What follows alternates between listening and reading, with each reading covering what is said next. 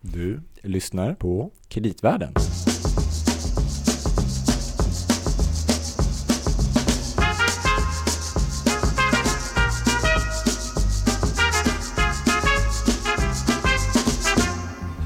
Wow Louis. Ja du Gabriel, tänk att vi kom ända hit. Ja, vi har baxat den hela vägen hit. Mm, avsnitt 100. Det känns stort. Mm. Det är mer än många. Ja, faktiskt. Nej, väldigt, väldigt kul. Och det, idag är så här, jag känner mig återigen, ibland får jag säga, jag känner mig nästan så här överladdad. Ja, Så, inte sån dag är det idag. Allt känns på topp. du har inte ätit för många kakor. Ja, eller några. Ja. Bland annat. Nej, men jag är också superladdad, eh, Louis Landeman. Gabriel Bergin. Mm, du jobbar på Danske Bank. Mm. Mm. Det stämmer. Och du jobbar på Stadshuset. Ja, precis. Med Mm. arbetsmarknadsfrågor. Just det. Ja. Ja, det är bra. Viktigt. Ja. Även kreditmarknaden är ganska Ja, viktig. men precis. Det här är ändå Kreditvärlden, Mm. avsnitt 100. Mm. En podd om kreditmarknaden och Ja. allt som där tillhör. Ja, Och eh, vi har ju haft, ganska ofta har vi pratat fastigheter. ja, Vi har pratat finans. ja. Vi har pratat finansiella kriser. För jag tycker att man kan lära sig saker av dem. Hållbarhet, Hållbarhet också. Ja, vi har pratat väldigt mycket saker. samhällsbyggnad. Om man ska börja räkna upp dem. Vi har pratat uh, Sverigeförhandlingen Ja, precis. och mycket annat. Neuroekonomi. Ja, det ska vi inte Ja. prata om idag. Nej, precis.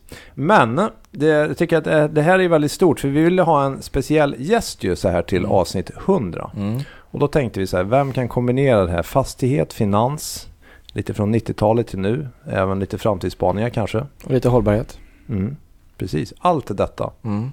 Sven-Olof Johansson, Mm, välkommen hit. tack, kul att komma hit. Du är vd och huvudägare i Fast Partner, Ja, ska stämmer, sägas. stämmer. Mm. Så otroligt kul att du kan dela med dig av, vi tänker dina erfarenheter och även insikter som du har samlat på dig. Mm. Ja, Vi tänkte väl kanske komma tillbaka till fast partner och Mm. vad du gör idag lite senare. Precis, men jag tänkte så här, bara som en inledande fråga eftersom det här är Kreditvärlden-podden. Håller du med mig om jag ställer den här ledande frågan? Är ändå inte kreditmarknaden en av de absolut viktigaste finansiella marknaderna som finns? jo det är ju självklart. Och jag har faktiskt haft kredit i stort sett i hela mitt liv. Ja. Så det är någonting som jag känner till alla sidor ifrån, måste jag nog säga. Mm. Bill, Bill Clinton hade en rådgivare, jag tror på 90-talet, och han eh, myntade det här. Han sa att om, om reinkarnation finns, då skulle jag vilja återfödas som obligationsmarknaden. Ja, jag såg det. Då kan man skrämma nästan vem som helst. Exakt. Men jag har faktiskt en fråga på det temat. Mm. För du eh, har ju dina fötter så lite i båda delarna av finansmarknaden. Alltså både aktiemarknaden eh, som eh, ja, men långvarig ägare och även investerare som vi kommer tillbaka till. Och kreditmarknaden, som framförallt som låntagare. Mm. Håller du med om att det är lite olika typer av människor som rör sig på de här marknaderna? Ja, det är det ju. Delvis är det ju samma eh, personer som flödar Mm. över de här gränserna i Mm. och för sig. Men det är klart att eh, obligationsmarknaden är en specifik typ av, av individer. Mm. Eh, Lånemarknaden är en annan typ av Mm. individer. Mm. Och sen har du då aktiemarknaden som är en tredje typ. Mm. Klart. Men det, det finns ju någonting gemensamt i allt det här Mm. trots allt. Mm. Och det ena är oftast beroende av det andra. Just det. Och nu samvarierar ju de här marknaderna på ett sätt som är helt nytt, som inte har varit på samma sätt. Antingen så gick man ju, för, tidigare så flödade man ju ut ifrån obligationer in till eh, aktier, Mm. tvärtom. Nu samvarierar ju de här marknaderna Mm. eh, hela tiden. Just det. Mm. Men du menar att man som också aktieinvesterare tar större hänsyn till kredit? Ja, när man tyckte att, risk, att risken blev för stor så Mm. gick man ju in i obligationsmarknaden. Ja, och sen så man tyckte Ja, att nu börjar riskerna avta, nu kan vi gå in på aktiemarknaden igen och Mm. höja risken. Just det. Mm. Men du menar att, att på grund av centralbankerna så hänger allting numera ihop? Ja, exakt. En ledande fråga till. Ja. Mm. Det där är intressant, det där ska vi komma Mm. tillbaka till tänker jag. Mm. Ja. Men vi, är, vi brukar göra så här i kreditvärlden, eh, att vi, eh, vi säger alltid så här, vi ska börja från början. Mm. Och då blir man ju lite nyfiken på dig så här. Du har hållit på med investeringar och även fastigheter länge. Men var, var någonstans började det hela? Alltså hur, var, var kommer ditt intresse ifrån? Eh, Ja, det kom ju ett allmänt affärsintresse och Ja. jag kom ju från en småföretagsfamilj. Min pappa hade en radio och tv-handel och en sportaffär i Ödeshög och sen handlade vi lite grann på somrarna med konkurslager som vi sen sålde ut. Mm, okej. Och det där fick jag ju jobba med sedan jag var ganska liten.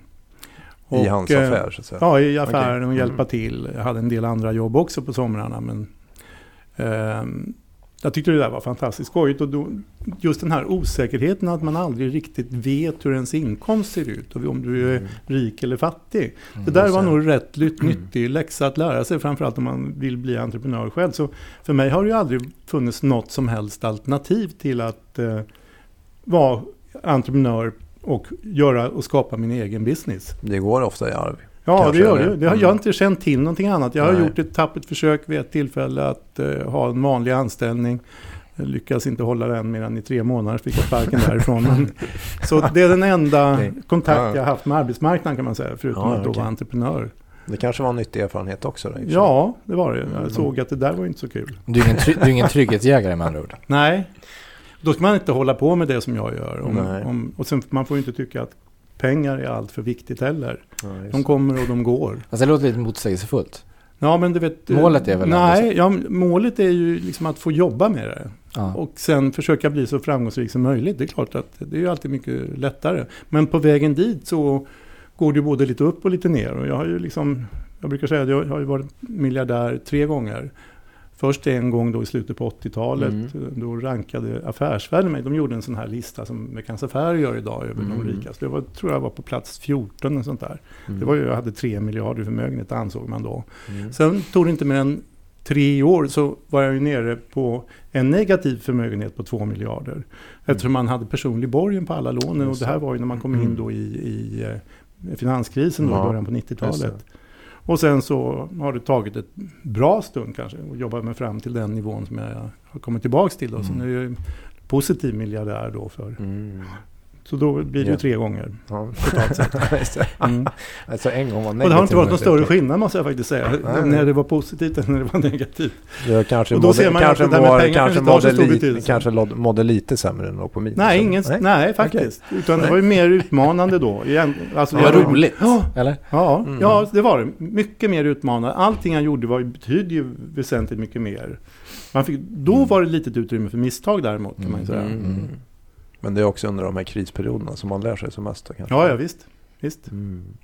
Men hur, alltså från Ödeshög då, där det startade, hur, för att, hur byggde du sen upp? Eller vad höll du på med aktieinvesteringar? Ja, jag och Peter var- Gyllenhammar startade den första aktivistfonden som heter Mm. Trendinvest. Just det. Och vi gick in och tog, försökte ta kontrollen över Fagersta eftersom Mm. eh, det var en, ett bolag med väldigt mycket eh, tillgångar och väldigt, väldigt lågt värderat. Mm. Eh, och Så det var en tidig aktivistfond och ni skulle, Ja, dri- skulle driva bolaget och göra vissa saker? Ja? Okej. eh, och vi lyckades skapa ett intresse från eh, en tysk ståltillverkare som ville köpa det här, Willy Korf, som var en eh, tysk entreprenör på, inom stålområdet. Och han Mm. la ett bud på det här. Men sen eh, blev det en tung nyemission från Industrivärden som då var huvudägare i Mm. Fagersta. Som var lite svårt för oss att följa upp. Okej. Och sen eh, hamnade ju bolaget i, i Kinnevik-gruppen. Janne Stenbeck gick in och det. eh, förvärvade det Ja, det här. ju. Och de som har varit med då hela vägen i det här har ju Mm. gjort en fantastisk affär. Så det har ju Mm. blivit 15-20 gånger pengarna. Så ni såg den Men vi orkade ju inte med tidigt. dit. Så, Nej, det. nej. Mm. Det var en, en start och sen Ni hade Och sen- rätt men ni hade behövt lite mer muskler. Exakt. Ja. Mm. eh, då lärde man sig en sak Mm. vid det tillfället. Ja, det. Att vara väl kapitaliserad Mm. är alltid lite bättre. Och det här var under åt- på 80-talet? Ja, det var i början på 80-talet. början. Och sen eh, har jag alltid gjort affärer lite grann som middleman. Sådär, att man eh, har föreslagit en affär och sen så har jag inte tagit en provision för den utan jag har tagit en ägarandel i affären. Mm. Och det där gick ju då på, i en marknad som var mycket, mycket mindre avancerad än vad den är idag. Mm. Idag finns det så mycket ma firmor och investmentbanker och sådär så att det finns inget utrymme för det. Men då fanns det det.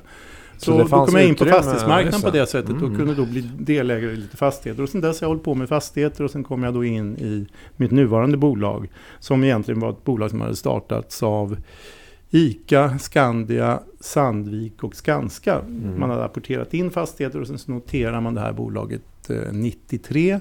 Jag köpte, Mhm. köpte en del aktier då Mm. och sen 95 tror jag, eller om det var 96, så fusionerades det här bolaget med det bolaget, det fastighetsbolaget som jag då hade och sen så Ja, blev alltihopa då fast partner. Och sen har jag Just då varit VD för att från, från början hette, hette det inte fast partner utan det hette något annat. Det hette Barkman Company från början. Okej, Mm. just det. Just det. det här var då- eh, ja. Just det, just det. Men okej, men jag tänkte det 80-talet. ehm, den här miljön. Så jag tänkte, kan vi Det bara glada lyssna- 80-talet. Ja, precis. Mm. Ja. Som kanske hade lite olika ansikten under de liksom, första halvan och andra halvan och sånt där. Men ska vi lyssna på ett klipp Gabriel? ja, För jag tänkte idag att vi skulle också eh, minnas tillbaka lite tidigare avsnitt det är här. ju ett jubileumsavsnitt. Mm, Så låt precis. oss gräva i arkiven. Vad hittar vi då? Bo Ja. Lundgren, Ett, från eh, ett par somrar sedan, eller för, Mm. förra sommaren, så Mm. pratade vi med Bo Lundgren. avsnitt 67. Så att vi hade en dålig tillsyn. Ja. Eh, bankerna inkompetenta därför att man inte hade jobbat på det viset innan. Just Inspektionen inkompetent. Hög inflation. Du kan låna obegränsat.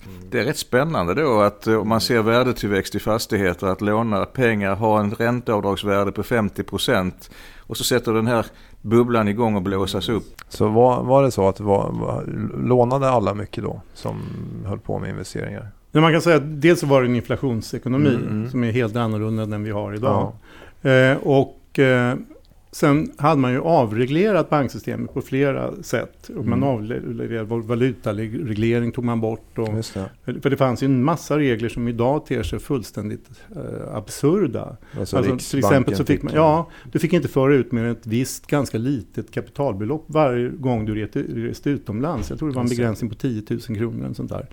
Och sen fick du absolut inte sälja A-aktier utan att få tillstånd ifrån in, industridepartementet. Mm. Och eh, du fick nästan aldrig de där tillstånden för man ville bevara det ägandet och Och kontrollen i, i Riksbanken Sverige. periodvis bestämde när företagen skulle få låna och till vilken ränta och sånt där också. Ja, det, det var en mycket mer reglerad marknad. Eh, och så- men man avreglerade ju även valutamarknaden då. Den svenska kronan Mm. eh, kopplades då till en korg av andra valutor och sen så lades den in där. Tidigare så hade det varit en fixed eh, eh, valutakurs. Ja, just Så det var en mängd regleringar som togs bort då. Mm. Och eh, det här gjorde ju att bankmarknaden blev väldigt öppen Mm. eh, och det fanns en god tillgång på likviditet. Mm. Och eh, som fastighetsägare då etablerad så blev du hela tiden uppvaktad av banksystemet att öka dina krediter. Okej. Och eh, en belåning kunde ju oftast vara mer än 100% av fastighetens värde vid förvärv. Var det vanligt? Du kunde få låna, ja, du, Okej. det var relativt vanligt. Du kunde alltså få låna till lite tillägg, eh, tillkommande investeringar och sånt där som om du hade Mm. planer för Ja, det. det. För Så värdet skulle jag- ändå gå upp, eller vadå? Ja, för inflationen gjorde att eh, värdet med automatik gick upp med 7-8% Ja, okej. om året. För inflationstakten låg ju där runt Mm. 7-8%. Så det, där, det var ju en marknad som kan man säga, ser helt annorlunda, eller såg helt annorlunda ut mot vad den gör idag. Mm. Enda likheten är väl möjligen då, idag är det ju också en väldigt bra tillgång på likviditet Mm. eh, för eh, de flesta bolag. Mm. Det, men det är, ju, det är ju därför att man Idag har man ju faktiskt stängt den stora delen av marknaden, nämligen bolånekunderna kan ju idag Mm. inte låna mer än ett begränsat belopp och det beloppet är ofta så begränsat att du inte kan köpa någonting för det. Eh, Det här gäller ju i första hand då förstås Stockholmsmarknaden. Mm. Och det gör ju att då finns det ju väldigt mycket kapital över då för eh, kommersiella köpare Mm. och eh, Ja, bostadsföretag, det. eller fastighetsföretag. Ja. Men även under den perioden eh, på 80-talet där så fick vi väl också den här framväxten av den här så kallade skuggbanksektorn. Så här finansbolag som... Ja, som alltid Som kommer. Ja, eh, nu var det inte så mycket regleringar kvar. Utan, Nej, nej. eh, men det, det, där kom, för, den som ville ta väldigt mycket stor risk, så kom det ju då ett antal shadowbanker in i Mm. systemet. Som i sin tur då var finansierade av det Bankerna. ordinarie banksystemet. Ja, just Och det. det där har vi ju sett flera gånger om Mm. eh, i närtid också. Ja. Hur det där ser ut. Exakt. Just det. Men man blev approcherad, till exempel, du blev approcherad av diverse aktörer som sa att... Ja, men framförallt de ordinarie bankerna. Ja, Mm. okej. Och, och upplevde du att liksom deras, för det är ju Bo Lundgren in lite grann på här, eh, hur, hur bra, hur vilken kontroll man hade så att säga på sina krediter. En sak är att man lånade mer än till exempel 100% av värdet för att det var en generell, det var så man gjorde. Men, var, Konkurrensen var ju så hård Ja. mellan de olika bankerna. Så det var, Mm. men, men eh, upplevde du att de man mötte också förstod vad det var att låna ut pengar till? Nej, det där, det där öppnade ju för en mängd eh, kan man säga, icke-professionella aktörer. Mm. Och eh, eftersom tillgång på kapital var så enkel och du behövde egentligen inte kvalificera dig för att Mm. komma in på den här marknaden. Utan det är klart att så kreditkontrollen var ju inte särskilt bra. Det har ju Bo Lundgren helt rätt i. Mm, Det är ju en helt annan kontroll idag, måste jag säga. Mm. Banksystemet agerar på ett helt annat sätt idag. just det. Mm. Men då hade, var många unga människor som hade egentligen ganska bristande, bristande eh, erfarenhet då egentligen. Ja. Ja, Mm. Även där har vi väl kanske ett klipp, eller? Ja, precis. Då hoppar vi raskt till avsnitt 89 Mm. med Anders Kvist och Berit Bering, tror jag. Och då pratar de om just det här. Men var man inte eh, från bankernas sida till exempel och andra som var aktiva på marknaden, man, var inte, man såg inte de här riskerna växa fram. Alltså jag har tänkt på det här väldigt mycket i efterskott och jag tror att det är på det här sättet att, att om du har en hel generation av, av bankfolk som har arbetat inom vissa, eh, med vissa spelregler inom ett visst eh, re- regelverk och sen försvinner det, det blir fritt fram. Då finns det ingen samlad erfarenhet av att det kan gå åt skogen, så att säga. Just det. Eh, Så att det är inte så lätt att förutse det som man aldrig någonsin har varit utsatt för. Ja, det var inte deras fel. nej, det kan man ju säga. Men alla har väl ansvar för sitt eget agerande på något sätt. Mm. Ja, men även du som låntagare bör ju ha ett visst ansvar. Mm. Mm.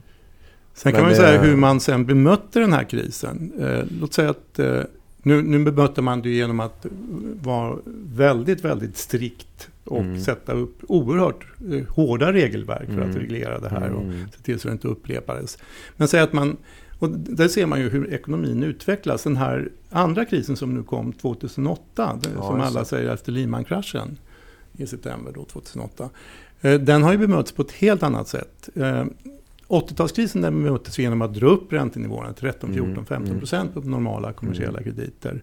Och ställa oerhört st- stora krav på avkastnings, eh, avkastningskrav på de eh, fastigheter som låg som säkerhet för de här krediterna. Och säga- de kraven alltså- var ju så höga så att i stort sett alla krediter Mm. var i default. Just det. Eh, Men det ska ju sen så- sägas i och för sig då, då var det ju en fast valuta också. Så då kanske räntan är mindre.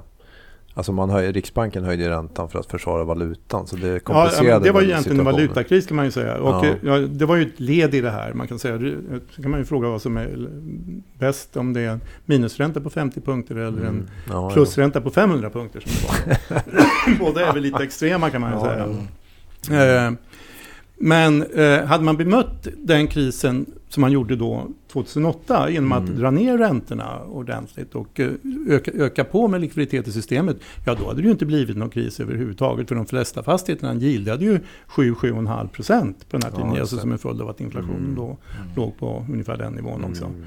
Mm. Eh, Så hade man då gått ner sänkt räntorna så hade det ju inte blivit någon som helst problem i, i systemet.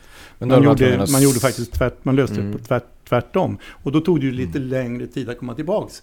Men sen blev ju konjunkturen så, eh, så dålig eller så svag i, Mm. i början på 90-talet. Så att man av det skälet så drog man ju successivt ner räntenivåerna. Så man kan Ja. säga från 93-94 och fram till idag så har räntorna bara gått åt ett enda håll och det är neråt. Ja. Och det är klart att då har det ju varit fantastiskt att vara positionerad i fastigheter under den här perioden. Mm. Men det, jag tror att Bo Lundgren nämnde också det att det, det man hade där i början på 90-talet eftersom det var ju också så att hushållen började då istället för att konsumera så säga, började man spara. Mm. Och så det, var, det hade också en åtstramning i det privata. Så någonstans blev det, det blev en enorm åtstramning i hela, Ja. i hela Drar du in ekonomin. krediter liksom. så stannar ju Mm. systemet fullständigt. Eh, Och eh, konsumtionen upphör ju. Ja. Men för din del, om, så dina, jag tänkte på dina investeringar och sådär. Du, du var så att säga aktiv. Du gjorde ju någon beryktad affär det här med Saab Scania.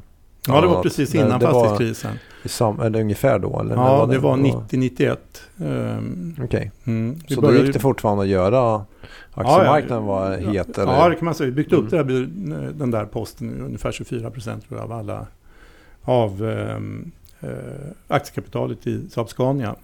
Och Det är ganska mycket. det är mycket, men då, det var ju andra market cap då. Så vår investering... Men jag tänker mer utifrån, jag menar om man tänker aktivistfonder idag kommer väl aldrig sällan upp i den typen av... eh, Nej, men marknaden var inte på, på samma sätt Nej. på den tiden. Och sen eh, tror jag, eh, den var ju väldigt hårt finansierad. Vårt Mm. egna kapital i den där var kanske inte mer än 5-6 miljoner. Resten var alltså finansiering. Bankers Trust var inne, Mhm. flera andra banker var inne.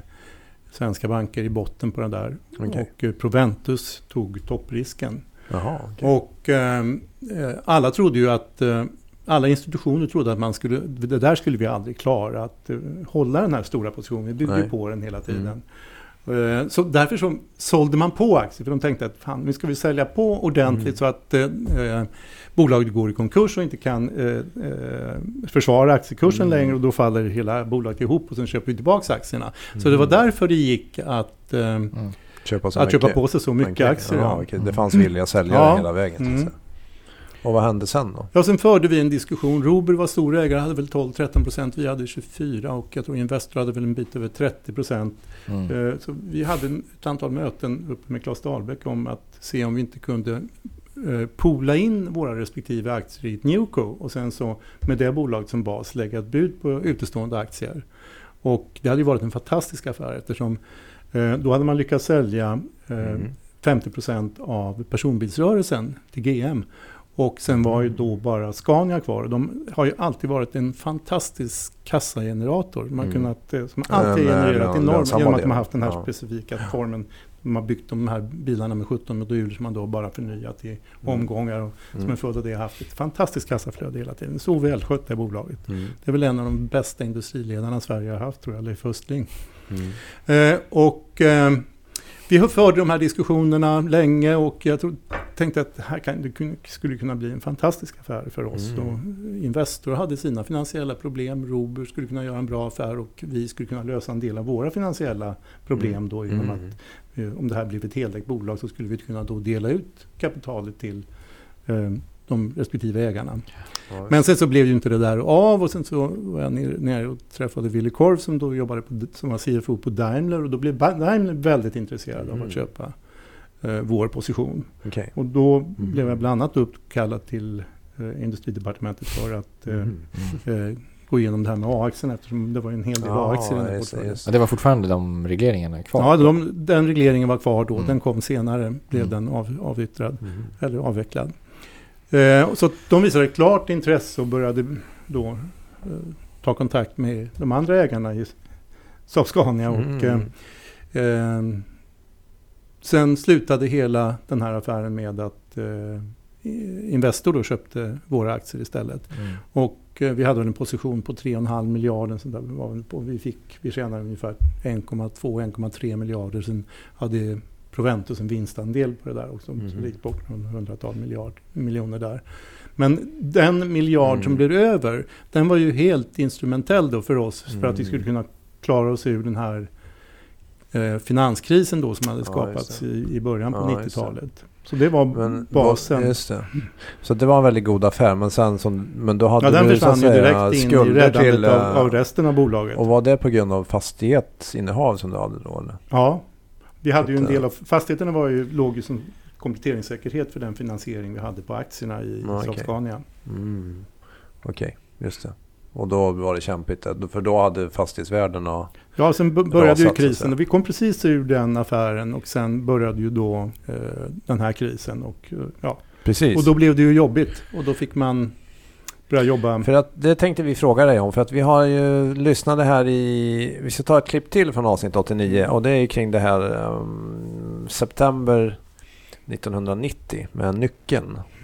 Eh, specifik händelse, det är när finansbolaget Nyckeln ställer in betalningarna. Är det någonting som liksom fortfarande, kommer ni ihåg var ni var ungefär? Liksom, ungefär som när Lehman-beslutet kom eh, i september. Är det, så, är det är det ett sånt minne man har? Eller, Eller är det en efterhandskonstruktion? Eller det kanske inte var så dramatiskt då, eller hur? Jo, det var jättedramatiskt. Mm. De hade stora eh, utstående belopp, på, på certifikatsmarknaden och de flesta kunder hade någonting investerat i nyckeln. Så det var ju förluster som riskerade att drabba oerhört många investerare. Så att det, kommer man ihåg och, och det fanns ju många andra finansbolag i, i linje med, efter de där Ja. som också blev drabbade och några det. som klarade sig och några som inte klarade sig. Mm. Jag tror att en av mina viktigaste eh, lärdomar av det, det var just att det var den första dominobrickan som föll. Eh, men det visste man ju inte då, utan återigen så var psykologin då att nyckeln är, de är överexponerade. Eh, vi har inte så mycket på dem eh, och, och så vidare. Och så tänkte man inte att det här är ju begynnande problem i den kortare finansieringen som kommer att sprida sig till andra finansbolag och därmed då så småningom till banksystemet. Mm, så det, var, det. var verkligen den första dominobricken. Tänk, tänkte du också så att nyckeln var ett särfall? Eller tänkte du att det här var början på någonting stort? Ja, det var nyckeln och sen var även Gamlestaden Ja. var nog Ja, ganska det. offensiva på. Det. det. var ju shadowbanker som, med, som hade en helt annan riskprofil än det Mm. övriga banksystemet. Vi hade en del krediter där. Och det var ju de krediterna som vi fick börja jobba med eh, först Mm. av alla. Mm. Eh, men huvuddelen av vår finansiering låg ju i det ordinarie banksystemet. Mm. Men det. var det, har du ett sånt minne att när det där hände att nu, oj, nu är det på gång att hända Ja, nu får man saker, börja eller jobba hur? ordentligt. Ja. Nu blir det roligt igen. Ja. Ja, ja, ja. Mm. Just det. ja. För sen var det ju lite, jag ska säga, utdraget förlopp. Men det höll ju på i två år i alla fall. Den här värsta perioden med bank, eh, banker Ja. som... eh, Jag hade ju möten, regelbundet möten och avstämningsmöten med alla banker. Vi hade inget eh, bankkonsortium som vi jobbade med utan vi jobb- jobbade separat med de olika bankerna. Och jag tror att vi klarade oss ur hela den här krisen med kan man säga, den totala kostnaden för banksystemet var nog kanske ett års räntor totalt sett. Men Mhm. i övrigt har vi ju betalat tillbaks allt kapitalet. Mm. Och hur, hur, så att säga, för du är en av de få som man säger överlevde. Kan man ju säga.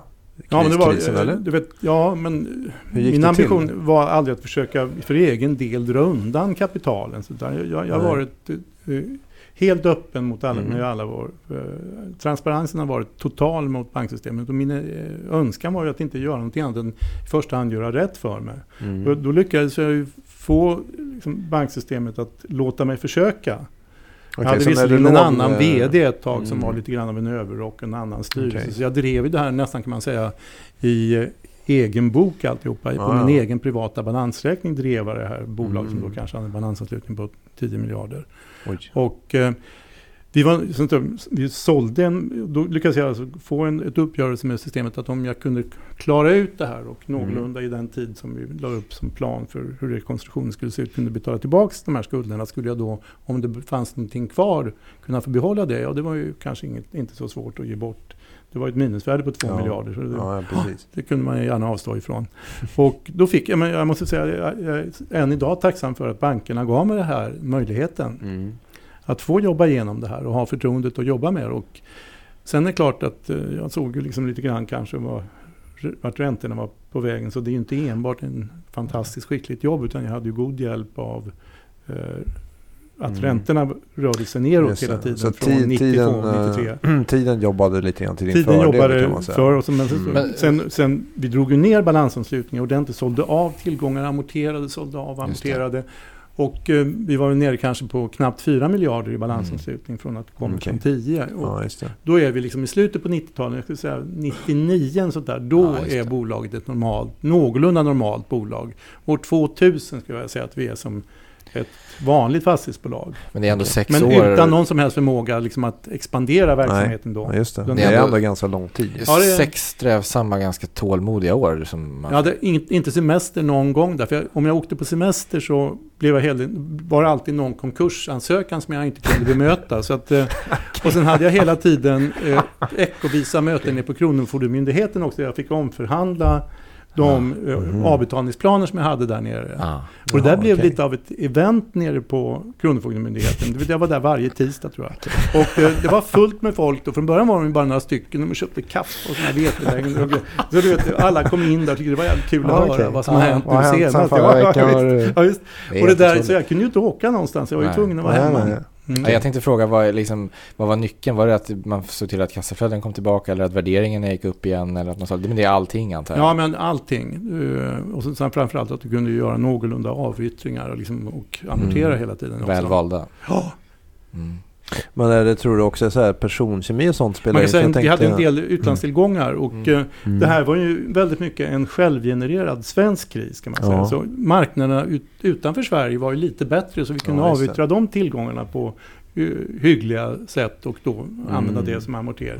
Ja, och behålla den här lilla kärnan på 4 miljarder. Ja, just det. Men jag, jag tänker, är det, spelar det även så här saker som personkemi och sånt där in? För om man tar en sån person som Penser då till exempel. Så han blev ju liksom klippt där från sin historia. Jag tror det är mycket tillfälligheter också. Ja. Ja. Alltså jag tror att transparens är nog jätteviktigt. Du måste vara väldigt, väldigt öppen mot de Mm. som du har lånat pengar och ha stor respekt för de som har finansierat dig och göra Mm. allt du kan för att de ska få tillbaka sina pengar. Mm. Och strunta i dina eventuella pengar, ja de finns ju inte. Så att, Nej, precis. Mm. Ja, det är väldigt intressant. men det var, en, Det- ja, det var en jättekul Men, period, även, även om som sagt man fick Vad är liksom din egen lärdom av den här den jättekrisen då så att säga? För, man kan, Att du ska vara öppen och ärlig, Okej. Mm. Mm. kort sagt. Mm. Och uthållig var, kanske? ja, alltså framförallt uthållighet och det här att du inte får tycka att världen ramlar ihop om du blir av med alla dina pengar. För så är Mm. det ju inte. Nej. Alltså, Men det precis, det kommer Mm. lite tillbaka till det vi pratade Mm. precis i början om där. Mm. Att vara, Mm. vad är det att vara entreprenör liksom? Det kanske också är att man måste kunna se ett misslyckande. Eller kanske inte ett misslyckande för det här var ju ett systemkris liksom. mm. Men att se verkligheten för vad den är. Ja, omgivningen tyckte väl inte att jag var någon sån här fantastiskt lyckad person. Det kan vi inte säga under den där åren. Nej. Utan du, du, blir, Mm. du blir betraktad som, ja, som någon som är med och, ja, Men en har som klarat av en entreprenör situation. kanske är ofta, alltså självbilden som om man är en, man känner att man är en entreprenör kanske är att man också ska lyckas. Ja, det, alla- vill man ju hela tiden. Nu, nu vill man visa att man, man kan faktiskt klara ut det här. Det är Mm. den största drivkraften. Den är Mm. mycket större än eventuell eh, ja, penningvinning i, det här. Mm. Mm. Mycket större. Ska jag banne mig visa dem. Så det blir en sorts egentligen revansch Ja, eh, Ja. lust så att säga. Mm. Man vill komma igen. ja. Det kan vara en Och socialt så, där så märkte jag inte mycket av det här. För jag hade ju inte, något, jag hade ju inte tid att umgås med någon i alla fall. under de där åren, så att, Ja, det kanske Wow. var lika bra mm, då. Ja, det var- jag tror det var en hjälp. Ja. Mm. Mm. Vi brukar gilla, ju- vi brukar prata om att nörda ner sig helt enkelt. Mm. Mm, vad man än gör så lyckas man nog bättre om man nördar ner sig ordentligt. Mm. Mm. Mm. Men, eh, ja, men, och även jag funderar på, men det har du ju varit inne på det, ja, men det här med hur man löste själva krisen i Sverige. Eh, för att man, annars brukar man ju säga själva bankkrisen att det var väldigt lyckade åtgärder som myndigheterna vidtog och sånt där. På det här att dela upp i, för det, just man delade upp i en god och en dålig bank. Ja, men det var ju mer teknik kan man Ja. ju säga. Det, det var ju som jag sa tidigare att Mm. hade man valt den här andra modellen som man gjorde efter Lehman-kraschen genom Mm. att dra ner räntorna istället och Mm. öka på likviditeten i systemet Ja. så hade det ju inte blivit någon kris överhuvudtaget. Nu blev det ju en kris. Nu var ju inte den krisen i nominella termer så där fantastiskt stor. Den var väl totalt kanske på runt 60 miljarder sånt där. Mm. Och den totala förlusten var ju noll. Mm. Det var ju en vinst istället för banksystemet Nej, när- man väl såg facit. ja, precis. Men Precis. det, det krävs Mm. lite politiska guts att göra på det sättet. Som man kanske inte hade senast. Vi kanske kan komma tillbaka till den Mm. senaste krisen och Mm. försöka jämföra Jag det. tänker Då är det ju inte vi, politikerna som har skött det i senaste krisen, utan då är det Nej. faktiskt centralbankerna som har skött Mm. det.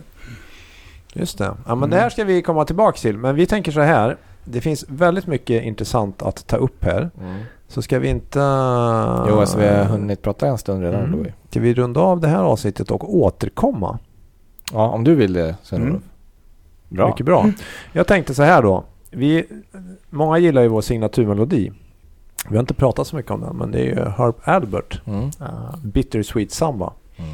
Och det vi tänker, den är lite bitterljusare. Det passar in på kreditmarknaden har vi alltid tyckt. Ja, visst. Mm. Men sen är det ju så här också att Sven-Olof, du spelar ju faktiskt trumpet Ja, inte så mycket längre, men lite grann. lite grann. Mm. Jag spelar också lite. Så vi har en här. Gab- Nej, jag skojar. Ga- Gabriel, du har fått en trumpet i födelsedagspresent. Ja, som används tre Så att gånger. tänkte en dag så ska vi väl få ihop det här mariachi-bandet. Ja. Och köra Ja, lite okej. Herb Albert. Men kan vi inte runda av? Vi, vi tar dess. någon annan ur hans låtskatt. Ja. Har du någon som passar bra eller? Mm, If I were a rich man. Ja, det låter ju... Mm. Den är väldigt fin också rent trumpetmässigt ska jag säga det. Man Mm. får höra de här två, två trumpeterna tillsammans där. Bra. Så Då hörs vi snart igen. ja, tackar. Tack. Får jag höra låten?